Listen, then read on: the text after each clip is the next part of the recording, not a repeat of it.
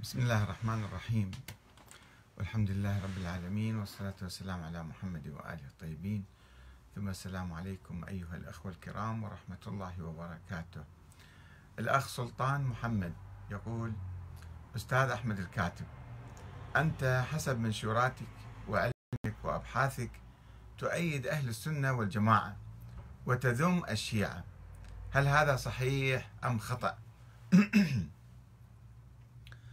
وقلت له لا غير صحيح ابدا. فأنا لا أذم الشيعة ولا أذم السنة أيضا ولا أمدح الشيعة ولا أمدح السنة وإنما أدعو إلى الوحدة الإسلامية. والالتزام بالقرآن الكريم والسنة النبوية والعقل. العقل مصدر من مصادر التشريع الإسلامي. يعني في أمور جاء فيها وحي وجاء فيها أمر أو نهي. وأمور الله سبحانه وتعالى تركها للعقل الإنساني للناس لكي يبتوا فيها. يعني في حقل ديني وفي حقل اجتماعي أو عرفي أو سياسي أو ما تسمونه. العقل يقول بأهمية الديمقراطية. يعني الآن إحنا نسأل كل عقلاء العالم هل الحكم العسكري أفضل؟ أم الحكم الملكي؟ أم الفوضى؟ أم اختيار الحاكم من قبل كل الناس؟ تشوفون الجواب الآن كل عقلاء العالم يقولون لا طبعا. لا الفوضى ولا الحكم العسكري ولا الحكم الملكي الوراثي إنما اختيار الحاكم من قبل الناس جميعهم. وهي الديمقراطية لا تتناقض مع الإسلام لأن الإسلام لم يتحدث عن النظام السياسي وشكل الدولة والدستور. وهي أمور مهمة هاي الدستور والقانون وال يعني مجالس الشورى وشكل النظام أمور مهمة جدا لوحدة المسلمين. والمسلمين ما كانوا يعرفوها طوال تاريخهم فلذلك تفرقوا وتصارعوا ودمروا أنفسهم. وقتل بعضهم بعضا إلى أن أبادوا أنفسهم وسقطوا سقطوا في العالم سقطوا حضاريا الآن بسبب غياب الشورى وغياب الديمقراطية.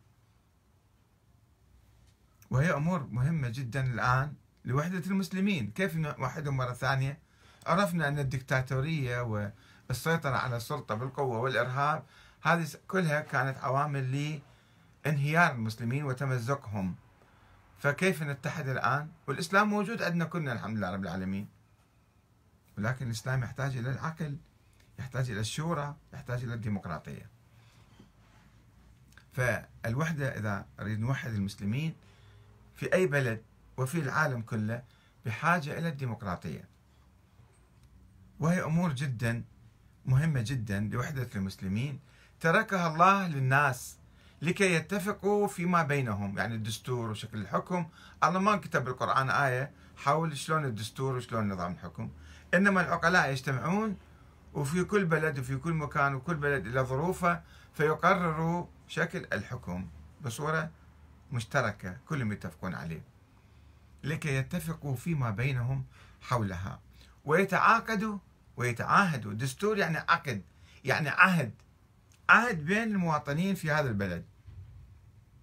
ويتعاهدوا على احترام الدستور اللي هم يكتبوا بيديهم. ولكن المسلمين تركوا الشورى وتعصب كل فريق إلى حزب سياسي شيعي أو سني. وحاولوا إضفاء طابع ديني على نظرياتهم البشرية الاستبدادية الدكتاتورية. وسموها مذاهب. فصار عندنا سنة وصار عندنا شيعة. وما أقوم به أنا هو ما أنا ما جاي أذم أحد لا أذم الشيعة وشيعة أهلي وأخواني وأحبائي ولا أذم السنة أيضا وهم أيضا أحبائي وأخواني. وما أقوم به أنا هو تنقية التراث الإسلامي السني والشيعي من النظريات البشرية الدخيلة. نظريات اللي البشر صنعوها وغلفوها بالدين. والعودة إلى منهج الصحابة الكرام وأهل البيت عليهم السلام الذين كانوا يدعون إلى الشورى وطبقوها في حياتهم ولا سيما أهل البيت الإمام علي الإمام الحسن الإمام الحسين كل الأئمة كانوا يدعون إلى الشورى.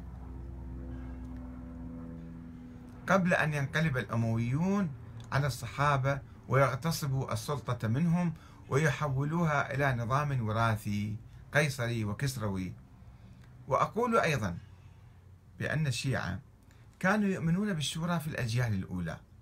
ثم تفرقوا إلى أحزاب عديدة أو طوائف مختلفة أكثر من سبعين أو أكثر من الله أعلم متى يعني أكثر من السبعين طوائف مختلفة. وإن فريقا منهم فريق صغير قال بنظرية الإمامة الإلهية واشترط في الإمام أن يكون الحاكم يعني أي حاكم اشترطوا أن يكون معصوما ومعين من قبل الله ولكن هذه النظرية واجهت عقبات كأداء لدى نشوئها وولادتها في القرن الثاني الهجري. ولم تقم على أدلة محكمة إنما على أساطير مثل أسطورة تكرم الحجر الأسود. ثم وصلت إلى طريق مسدود وانتهت وانقرضت وبادت هاي النظرية. راحت ما موجودة 1200 سنة. وظل الشيعة الإمامية اللي اعتقدوا بهاي النظرية. ينتظرون إماما مفترضا. افترضوا لهم في الإمام. لما وصلت إلى طريق المسدود بوفاة الإمام الحسن العسكري دون ولد هم إجوا افترضوا له ولد. افترضوا له بالخيال. افترض افترضوا ولدا إماما مفترضا موهوما ألف عام وظلوا ينتظرون هذا الإمام. حتى ملوا ويأسوا فعادوا إلى منهج أهل البيت المعقول وآمنوا بالشورى. فأقاموا لهم دولا في العراق وإيران وغيرها من البلاد. وهذا هو المطلوب. وقد سار معهم غالبية أهل السنة الذين أيضا تخلوا عن مذهب أهل السنة السياسي. و وآمنوا بالديمقراطية. الآن شوفوا معظم العالم العربي والإسلامي يؤمنون بالديمقراطية. فإذا هم لا سنة ولا شيعة بعد. فاتفقوا جميعا على دساتير عادلة ديمقراطية إسلامية. والحمد لله رب العالمين شرد أكثر من هذا من عندهم. ونسأل الله تعالى أن يوفق جميع المسلمين إلى انتهاج طريق الديمقراطية وتطبيقها بشكل سليم. هذا شيء مهم جدا. ونزيه. يوفر الحرية والعدل والمساواة والاستقلال والعزة والكرامة للأمة. حتى لا يستبد بهم حاكم جاهل فاسق ظالم فاجر. فيستعبدهم ويبيع بلادهم للمستعمرين والصهاينة كما يفعل أمراء الخليج هذه الأيام. والسلام عليكم ورحمة الله وبركاته.